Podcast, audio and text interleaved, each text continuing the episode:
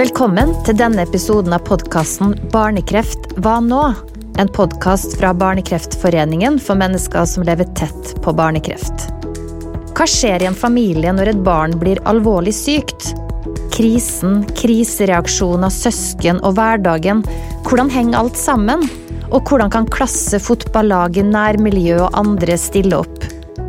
Med oss til å dele sin erfaring med barnekreft har vi Espen Skjegstad fra Molde, som opplevde at dattera Hanna fikk kreftdiagnosen da hun akkurat hadde fylt tre år.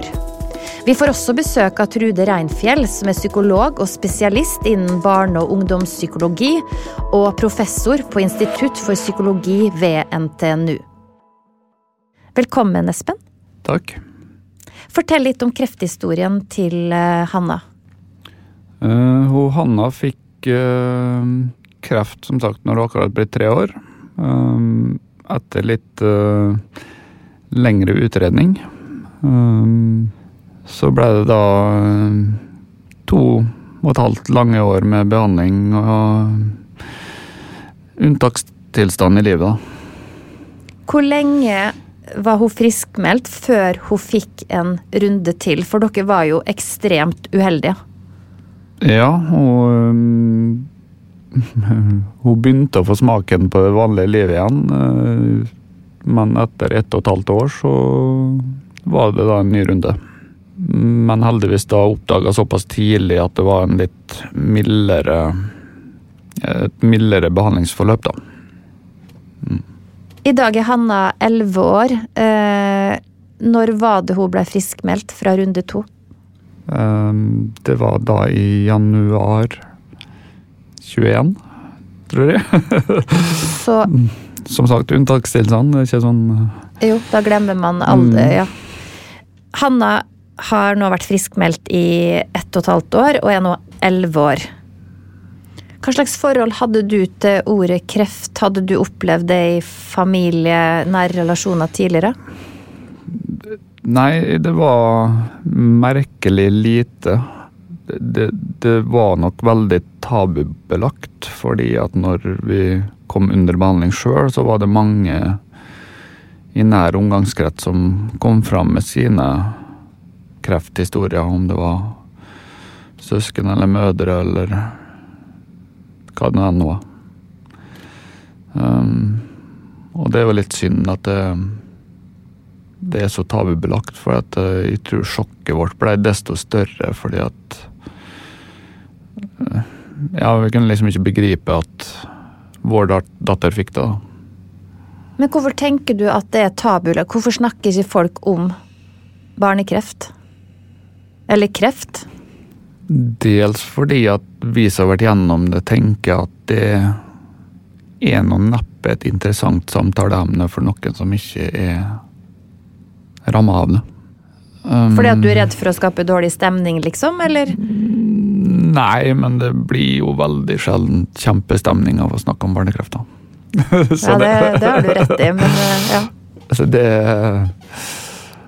Nei, så det er nok bare sånn det er. Uh, at det rett og slett er en så sårbar situasjon at at man beskytter seg litt? Ja, eh, men det er klart at for oss så ble jo kreftprat daglig. Det er jo ikke så interessant å høre på for noen som ikke er ramma av det. Tror du ikke det, egentlig? At, at veldig mange egentlig øh, Ikke at de syns det er interessant, men at de gjerne vil være en del av det dere opplever? Jo, absolutt absolutt. Men jeg, jeg, tenker det at det at vi ikke hadde hørt om det tidligere, det er jo eh, fordi at vi ikke hadde liksom sånn kjempenære relasjoner til noen som hadde kreft, eller? Sant? Alle i omgangskretsen til en familie som får kreft, vet jo om det. Men det prates ikke så mye om det utom den sirkelen. Det er nok også veldig skummelt å spørre noen du vet er i den situasjonen. Eller har vært i den situasjonen, kanskje.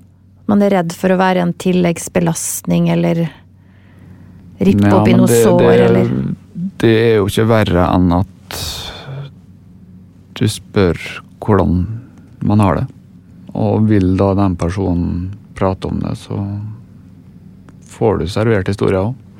Det syns jeg var veldig bra tips, Espen. Å rett og slett bare stille det åpne spørsmålet som egentlig kan besvares på alle mulige måter du ønsker, da. Mm. Men hvordan har du det egentlig? Mm. Eller hvordan har du det? Ja. ja, som sagt, og da får jeg jo den personen absolutt frie valg til å bare svare kort og greit, eller eh, la være å svare. Så det Godt tips. mm. Hvordan reagerte omgangskretsen dere på at dere fikk den beskjeden? Eh, Jeg tror eh, jo nærmere kilden du ser da, så er det jo tyngre. Det har nok eh, vært tyngre for farmor og mormor eh, enn vi kanskje, kanskje ser for oss. Ja, hvis du tenker venner og den biten, så var de nok eh, sjokkert, dem òg, selvfølgelig. Men um, det er jo ikke sånn at det rammer dem i hverdagen sånn som det gjør nær familie. Eh, Det er jo ikke sånn som de tenker på daglig. Uh, og enormt takknemlig for at det finnes et miljø i omgangskretsen der du kan snakke om noe annet. Ja, For det ble viktig for det å ha luft Ja. til kreften. Helt klart. Um, Hva gjorde du da? Nei, det er noe utrolig artig å diskutere fotball og vanlige ting, da. Så det Bortsett fra Molde, hvem er ditt favorittlag? Ja, da må du ut av landet. Ja, og hvem er det? det er Liverpool. Du er der, ja. Ja, ja. ja. Ja så, for det, andre. Ja. så, for det, så for det så var det rett og slett eh, medisin å få lov å snakke om fotball og legge liksom kreften fra det når du gikk ut av døra? ja, rett og slett prate om normale ting. Um, det er klart at eh, det er jo ingen som skal leve med å prate bare det språket som vi prata når vi var under tung behandling. Da. Så jeg tror det er viktig å ha kanaler der du kan få lov til å snakke om andre ting. Dagligdagse ting. Mm. Dine venner, øh, når dere snakker om det her nå i ettertid, øh, hva sier de om den øh, perioden? Den første perioden eh, der jeg var under hard behandling, så var det liksom ikke så mye snakk eh, i det hele tatt om den saken i den gjengen. Eh, Men etter at det begynte å gå bedre, så kunne vi liksom snakke mer om kreftsituasjonen og hvordan hun hadde det og vi hadde det og sånne ting. Og så var det heldigvis sånn at det ikke nødvendigvis kom opp igjen der, da. Um, Sånn at det var den frikanalen til å prate om andre ting. Heldigvis så er det litt det samme i dag. Nå er nå livet stort sett normalt ellers òg, men uh, Men, men det er jo litt sånn fascinerende, der, for det her snakka dere aldri om, men det blei sånn, og det var det du trengte, og på en eller annen måte så har de oppfatta at det var det du trengte. ja. Uh, om jeg har sagt det til én og han har fortalt det til resten, det klarer jeg ikke å huske, men uh, det var nå i hvert fall sånn det ble. Og det er jo veldig fint at det ble sånn. Mm. Du snakka litt om mormor og farmor, som egentlig da står i en sånn dobbel sorg.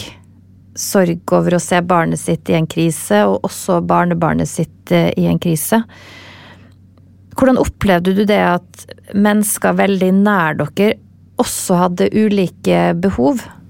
Nei, dem som var, eller merka det mest på kroppen, den tror jeg også stilte mest spørsmål for å berolige seg sjøl. Mens andre så var det heller mer det der at uh, nå skal vi hjelpe til med alt mulig. Uh, for å avlaste oss, da. Kjempegreier begge deler. Du sto jo i dine ting sammen med kona di.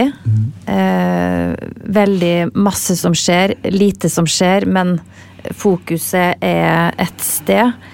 Hvordan navigerer man på en best mulig måte? For man er jo sånn skrudd sammen som menneske. Man vil jo man vil jo være sympatisk, man vil jo liksom gi det man antar at andre forventer at du skal gi, samtidig som det var lite energi da, i den eh, fasen. Ja, altså vi mm, For å si det sånn, det var ikke mye vi deltok i samfunnet på veldig lang tid. Første kreftperioden så var det jo ofte fordi at eller i lang periode fordi at hun ikke hadde immunforsvar til og at vi kunne være ute og dra med smitte hjem. Så det er klart at eh, det er jo ikke bare vi som, eller bare hun som skal være isolert, det blir jo resten av oss òg. Og da er det jo ikke så mye vi kan delta på. Ja, nei, du blir rett og slett revet ut av samfunnet. Mm. Når folk eh, rundt dere da reagerer så, så ulikt, ehm, kan det også være vanskelig, på en måte? Fordi at man skal også bære På en eller annen måte skal man også bære andres eh, krise, da. Dere vet alltid mest om hva som skjer, hvordan behandlinga skal se ut. Kanskje noen føler at 'å, jeg- må vite enda mer', sant? og så sitter dere og har egentlig mer enn nok med å stå i deres situasjon? Ja, nå var det ikke sånn at det um, var en tredjegrads utspørring og sånt. Det var jo ikke det. Eh, men det var mer nysgjerrighet fra enkelte for å ja, kunne senke skuldra, være delaktig og oppdatert. Hvordan stilte nærmiljøet opp for dere? Um, par uker før Hanna ble sjuk, så mottok vi nøkkelen til vårt nye oppussingsprosjekt. Det var det vi akkurat hadde satt i gang. Um, som nå da måtte bli utsatt på ubestemt tid. Det var ikke sånn at når vi kunne reise hjem igjen med Anna, at vi kunne begynne å pusse opp, for det hun skulle ikke ha støv og den biten. Så da var det heldigvis noen eh, utrolig snille folk. Gjennom en eh, svigerfar og fotballaget som vi spilte på. Som eh, tok på seg å pusse opp mens vi var på sykehuset. Så de skal ha en stor takk. Hvordan fotballag var det? Det var opprinnelig et bedriftsidrettslag, men uh, mer som et vennelag eh, på det tidspunktet. Hva er det som betyr mest? Det som ikke blir sagt? Eller det som blir gjort? Eller dem som bare gjør noe som du ikke hadde forventa? Hva, hva er det som betyr mest i en sånn situasjon? De enkle tinga. Um, Som hva da? som å bli invitert på middag. Eller noen kommer og lager middag hos oss. Det er sånn bagateller som i den hverdagen betyr utrolig mye. da. Ja, noen meldes til å ta inn posten for det, eller Ja, det, det er sånne ting som setter utrolig mye mer pris på nå enn før, da. Har du fått nye bånd til noen gjennom det dere har vært igjennom med Hanna, som du kanskje ikke forventa på forhånd? Ja, jeg har blitt venner med mange sunnmøringer. Det er jo Oi! Ja, det er faktisk ganske ekstraordinært. Nei, det Gjennom Barnekreftforeninga så har vi fått veldig mange gode vennskap. Det er aldri så vondt at det ikke kommer noe godt ut av det. Men det, det er godt.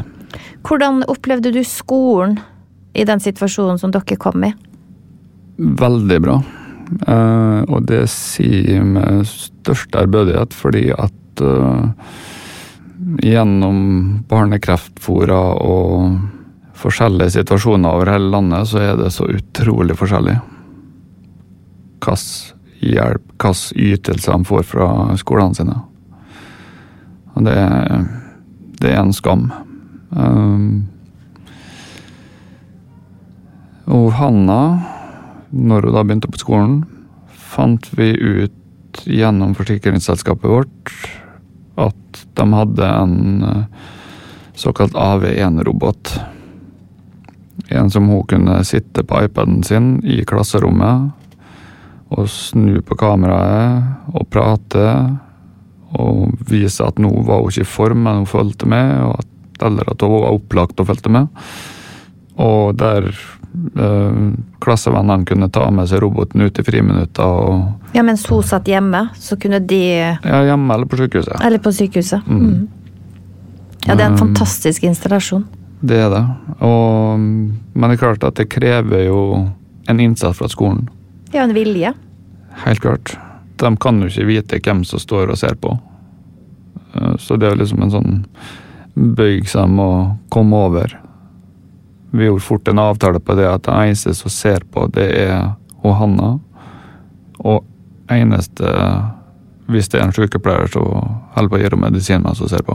Så dere gjorde det trygt både for skolen og for, for Hanna. At, Mm. mm. Og det er klart at når hun ble, ble revet vekk i et helt skoleår, så mista du kontakten med folk hvis du ikke ser eller prater med dem. Så eh, nei, fantastisk redskap. Som alle skoler bør ta til seg. Er det noe du savner fra folk rundt nærmiljøet? Som du tenker Hvorfor skjedde ikke det, eller der burde det vært bedre system, eller Mm, nei, absolutt ikke. Eh, Bortsett fra at Og jeg har ikke fått noe svar på det, men eh, hvordan best ivareta søsken? Det er vanskelig, og du gjør jo ditt ytterste for å ta vare på hele familien i en sånn situasjon. Men, eh, men den vil jo ikke få den oppmerksomhet som det syke barnet får. Og det kan eh, forandre folk. Men eh, jeg kan ikke si at samfunnet skulle gjort noe annerledes enn det som ble gjort. Så ikke noe som jeg forventa. Men jeg syns det er veldig fint at du snakker om det med, med søsken, for det er jo kanskje også en sånn bevisstgjøring eh, hos oss alle. Eh, og, og som egentlig ikke gjelder bare kreft heller, men det kan jo være andre ting som skjer i familier rundt oss. Mm. At, vi, at vi er mer bevisst på det med søsken. Helt klart.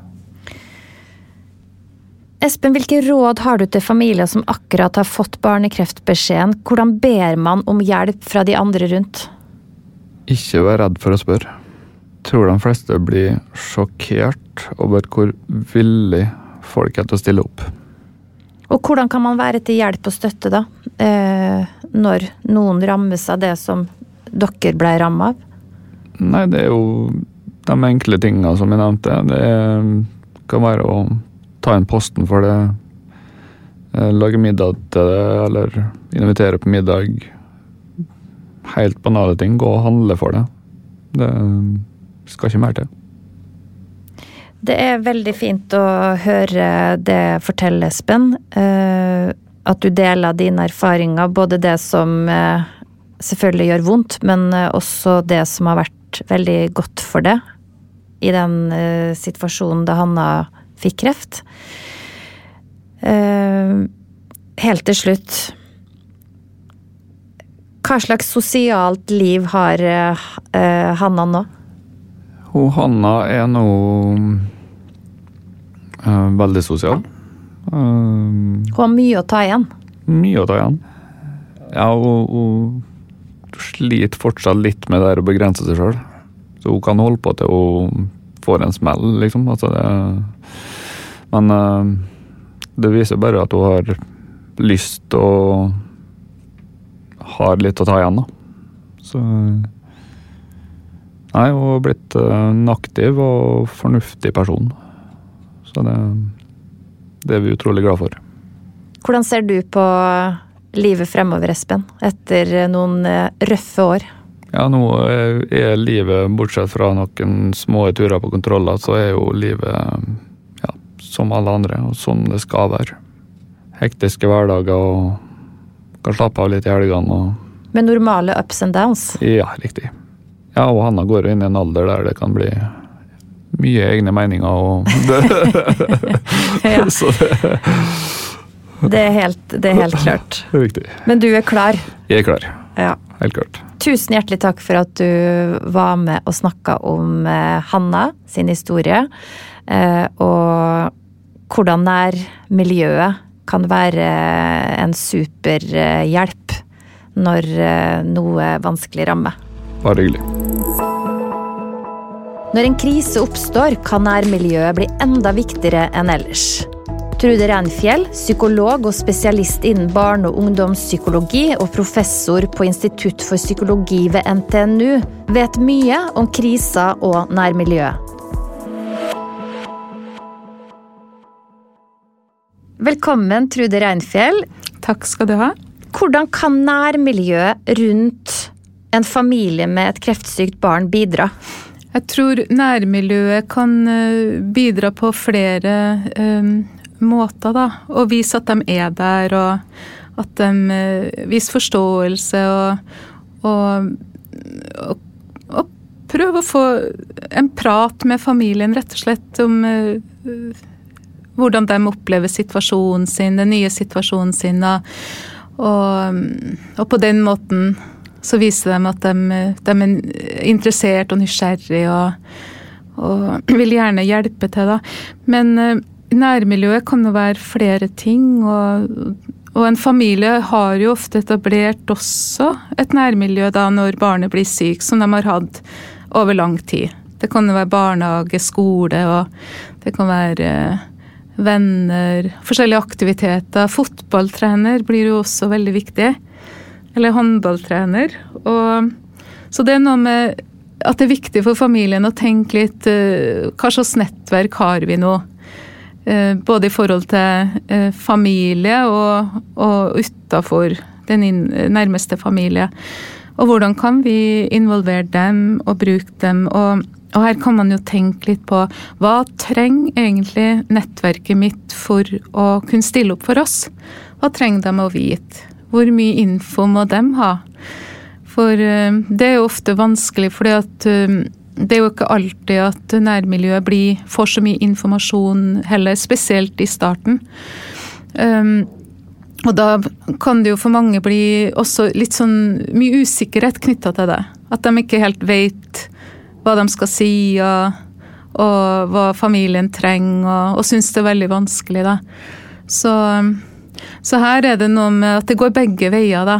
Nærmiljøet må likevel ta kontakt og vise interesse, men det er også viktig at, at familien, foreldre, da, er åpen overfor sitt nærmiljø og, og, kanskje lar noen av dem komme inn på sykehuset.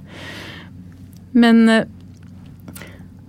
det som ofte kan være, være litt vanskelig, da, det er jo hvis, hvis folk spør um, Bare si ifra hvis det er noe du trenger. For det er jo sånn Det blir vanskelig å spørre. Sjøl om det er viktig at du spør, selvfølgelig, men det kan være vanskelig også å spørre. Det er ikke alltid du helt vet hva du trenger heller. Men uh, det er mye bedre at, uh, at nærmiljøet tar kontakt og, og, foreslår konkrete ting. Vi har tenkt mye på deres situasjon nå. Og skjønner at det er veldig vanskelig å stå i denne situasjonen med barn på sykehus og søskenhjem. Så vi foreslår at vi eh, vasker huset nå til helga. Og, eller vi mukker snø. Um, eller så kan du si det at nå har jeg bakt brød og, eller boller, nå vil jeg gjerne komme innom eller nå kommer jeg innom med det, da. Og ikke spør om det passer. Man kan selvfølgelig gjøre det også, men, men eh, det er også greit å, å ringe på og, og stå. Og hvis det ikke passer at du kommer inn, så får du i hvert fall levert brødet eller bollene. Så det er en fin ting å gjøre, da. Og så er det jo også veldig godt for foreldre som kanskje har litt dårlig samvittighet for søsknene, og det at de ikke får tid nok til dem og tatt dem med på aktiviteter. At, at, venner kan eh, Kanskje foreldre til venner og søsken da kan foreslå at de skal ta med søsknene eh, på tur eller på kino, eller lage en pizza, ha en pizzakveld. Eh, ja, sånne ting. Konkrete ting. Det tenker jeg er veldig bra for foreldrene.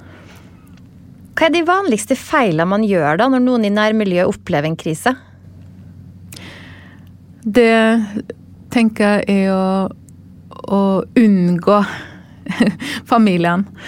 Eller søsken eller foreldre, da, når de er hjemme og sånn. Og hvis du, du ser at de er på vei til butikken, og så tar du en omvei og, og Ja, for du syns det er litt vanskelig, ikke sant? Og det at man ikke eh, sender en melding, f.eks., det kan jo være Det er så lite som skal til. Det var en som sa til meg da at eh, fordi at han opplevde at det var mange som var veldig til stede og tok kontakt og sånn, men uh, han hadde noen venner da som, som trakk seg litt unna, merka han. Men som han sier, det er så lite som skal til. Du kan bare sende en liten melding 'Jeg tenker på deg. Det var trist', eller 'Jeg tenker på deg', eller 'Håper det går bra'. Ja. Um, og at vi kanskje kan møte, si noe om at en har lyst til å møtes en dag og sånn.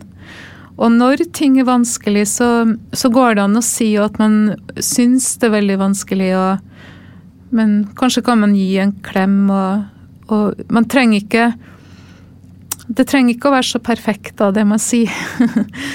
og, Tror vi at det må være perfekt for at vi skal ha noen verdi? Ja, jeg tror det kan være lett sånn. Lett eh, at man tenker sånn, føler på det. ja. At du må finne de rette ordene. Men de fleste opplever nok i en sånn situasjon at ordene blir veldig fattige. da. Og du Det liksom blir ikke noe helt riktige ord. For hva skal man si da?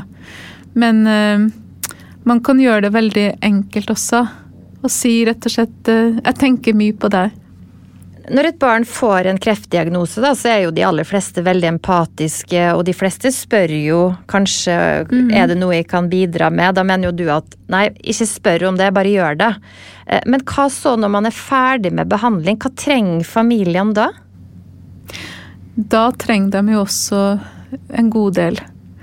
For da er de jo Da kan de slappe av litt mer, da. Og behandlinga har gått bra, og så, når man begynner å slappe av, så kjenner man at, uh, hvor sliten man er.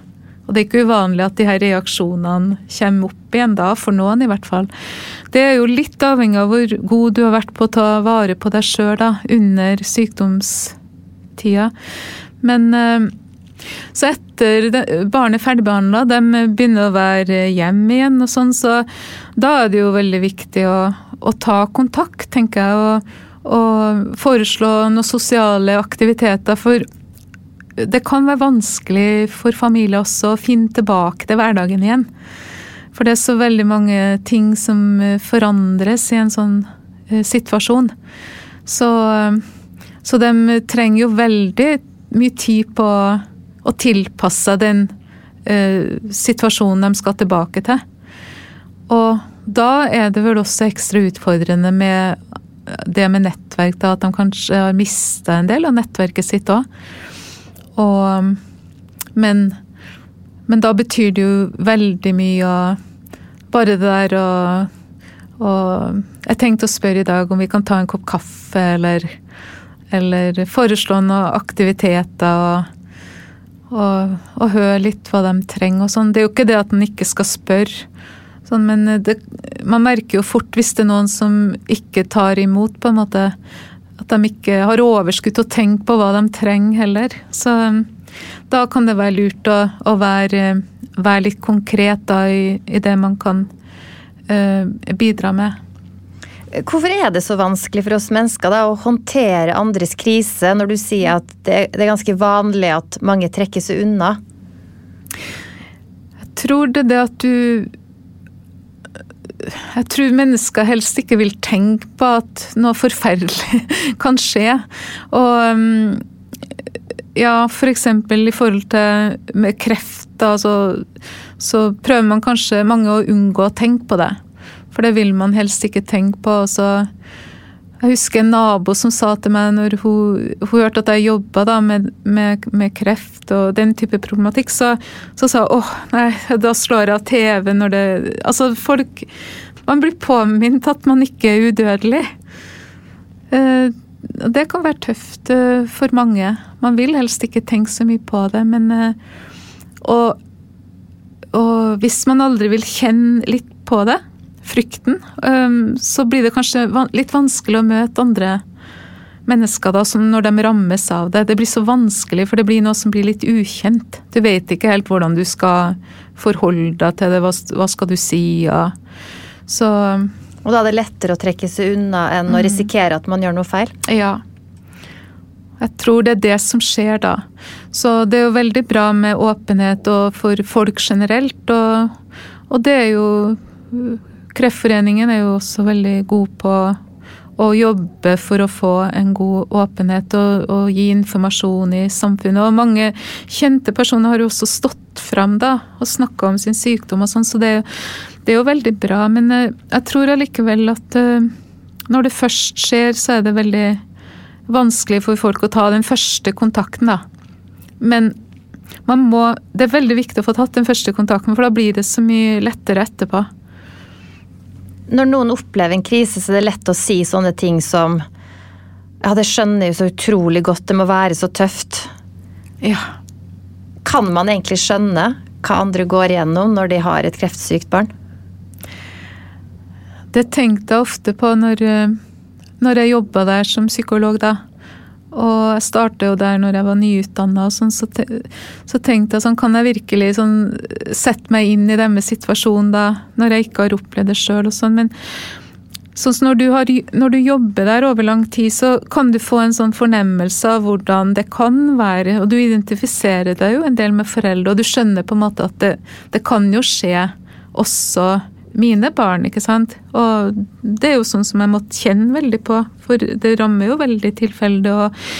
Men uh, også for å greie å åpne opp for uh, de familiene og barna, og våge å gå inn i det, så var det veldig viktig å kjenne på og reflektere litt over min, min, egen holdning til døden, da. Og jeg må jo innrømme at jeg ofte var, hadde litt drømmer, jeg òg, og var redd for mine barn. og og, og, spesielt i fasen når barna mine var små og vi ble, eh, var veldig sånn nær da. Men eh, jeg tror eh, at Jeg tror at man er Man kan ikke helt skjønne det når man ikke har opplevd det sjøl på kroppen, da. For det Det er så veldig inngripende i livet. Og Men nettopp fordi at man ikke kan skjønne det så godt, så blir det jo veldig viktig å spørre, være nysgjerrig og spørre hvordan eh, familien, eh, foreldre, opplever det å ha fått et eh, barn som, med kreft. da. Og hør litt akkurat sånn som foreldre kanskje Man kan spørre barna sine om deres sine reaksjoner. sånn Så kan jo kanskje venner av familien og spørre foreldre litt om deres reaksjoner. Og, og hvordan de har det i en sånn situasjon. Og faktisk bare si det at uh, jeg har jo aldri opplevd det her. Sånn at jeg vet jo ikke helt hvordan det vil være. Jeg kan jo forestille meg at det må være veldig, veldig tøft. Men jeg vil gjerne høre litt om hvordan du opplever det, da. Så, men det kan jo være at eh, noen vil ha litt erfaring med et eller annet, annet alvorlig sykdom, f.eks. Og da kan man jo, når det er relevant, trekke inn litt av sin erfaring, men man skal kanskje passe på sånn i starten at ikke da hovedfokuset blir på, på dem, men at uh, foreldre f.eks. For får fortelle da sin, sin historie. På en måte At noen lytter og tar, tåler å ta imot det. Og det er vel ofte det det handler om også. Det at du våger å være til stede og, og, og ta imot det, man har, det de kommer med, da. Men hvis man greier å, å ha få til en sånn samtale, at man snakker sammen og, og deler, da, så blir det jo lettere å, å, å gå videre. For alle parter, egentlig. Ja, for vi har jo veldig lett for å ty til den derre Eh, du skal til Egypt. Å ja, jeg har også vært i Egypt. Det var i 19... Ja. Sant? Og så kommer hele den historien, så har man egentlig ikke hørt noen ting om hva den andre Nei, har tenkt å gjøre i Egypt. Det er akkurat det. Og så skal man være litt forsiktig og si at uh, jeg vet akkurat hvordan du har det, fordi at uh, tanta mi f.eks. døde av kreft. og det, men for det, det er et eller annet med at en historie blir jo også veldig sånn privat og veldig spesiell for den det gjelder. da det man går igjennom. Og det er egentlig ingen som Vi har, vi har jo snakka om at reaksjoner det er veldig individuelt, på en måte. Men noe kan jo mange kjenne seg igjen i. Men uh, du kan aldri vite helt hvordan den andre har det, så derfor er det mye bedre å være, være litt sånn åpen, nysgjerrig. Og det er jo litt spennende å få høre hvordan mennesker opplever en sånn krise, da, i livet sitt. Så vi må være små minipsykologer hele gjengen. Ja. og det er ikke så Det som er litt viktig for meg å si, det er det at det ikke er farlig på en måte å dele. Men man må, skal kanskje føle seg litt fram. Ok, når, det, når har man snakka nok om det, og så kan man legge det litt bort. Og så, og så snakke litt mer seinere, for det må jo gå litt i foreldres eh, Eller familien sitt tempo. Man ser jo ofte på folk og når de blir sliten. Og da kan det være lurt å ikke starte et nytt tema, f.eks.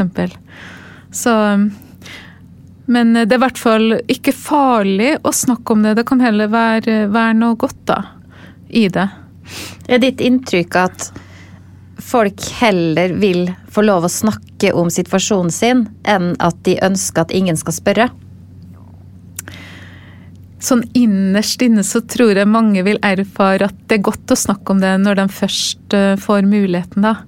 Men jeg tror det er litt avhengig av hvor godt de kjenner da, dem som eh, spør eventuelt. da, For det, jeg tror i en sånn situasjon, og, og det er også litt erfaring som fra tidligere når jeg jobba på avdelingen, at uh, de blir veldig var på om det er noen litt perifer som bare spør for nysgjerrighet.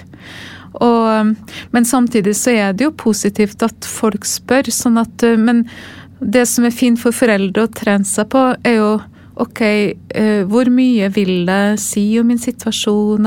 Og det er veldig sånn Eller om barnets situasjon, da. Og vår situasjon som familie. Og det er greit å forberede seg litt på, da, fordi at plutselig er de hjem igjen, og så skal de på butikken. Og noen kan jo synes det er vanskelig å møte møte folk på butikken òg. Enten at folk, de merker at folk kanskje går en liten omvei, eller at noen kan spørre veldig mye. Men da er det jo veldig greit å ha tenkt gjennom litt uh, hvor mye vil man dele, hva er greit å dele nå. Så, og det er jo de fleste syns det er veldig hyggelig at folk spør, da. Og med noen så blir det kanskje som de ikke kjenner så godt, så blir det en liten sånn kort samtale. Og, og det er bare sånn det vet vi jo alle at det er veldig hyggelig å møte noen som sier hei til deg og stopper litt opp. Og, men spesielt i en sånn situasjon når du har sykdom i familien. Har du noen eksempel på ulike måter å strekke ut ei hånd på, som ikke er det første vi tenker på med medmenneskelighet, men som hadde stor effekt? Ja um, Jeg vet ikke om det blir det, om det er det svaret du er ute etter, men jeg tenker det å rett og slett bare gi en klem. Eh, det kan være godt noen gang. Nå, kan, nå er det jo ikke koronatida lenger, da, men, eh, men jeg, kanskje jeg ikke forsto jo, jo, ja. jo, absolutt. At noen bare gir en klem. Mm. At det faktisk er mm. så enkelt. Ja det er jo ikke alle som liker, liker klemme så godt, da, men det, som regel så kjenner man jo personen litt da når, når, man gir en klem, da.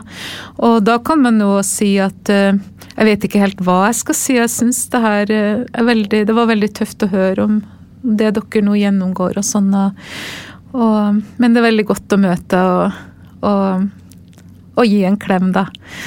Og, nei, så det å strekke ut en, en hånd er jo veldig, veldig viktig, da. Og det kan òg være at hvis det f.eks. For foreldre, da, eller søsken også for så vidt, eh, blir veldig, veldig uh, trist og lei seg, og, og, man begynner å trekke seg unna uh, sosiale ting, da.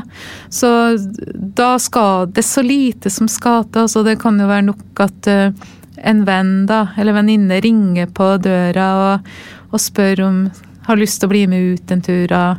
Eller at noen voksne kommer til foreldrene og sier nå har jeg veldig lyst til at vi skal gå oss en tur. Og, og hvis ikke det passer da, så kan man kanskje prøve å avtale en dag, da. Så det, det, er egentlig veldig lite som skal til. Uh, i en sånn situasjon. Hva er det beste rådet til nærmiljøet rundt et kreftsykt eh, barn? Ja. uh, det å vise at de er der, da. Og ta kontakt, si hei, gi eventuelt en klem. Og, eller send en melding, da. Så, og det trenger ikke å være så Det trenger ikke å være perfekt. Bare gjør det. Det kan være en kort melding. 'Jeg tenker på deg', og, og Ja. Og vært hyggelig å møtes, f.eks. Tusen hjertelig takk for at du kom. Bare hyggelig. Takk for at jeg fikk komme. Vil du vite mer om Barnekreftforeninga, eller har andre spørsmål knytta til barnekreft? Gå inn på barnekreftforeningen.no, eller lytt til flere episoder av Barnekreft hva nå? Plan B.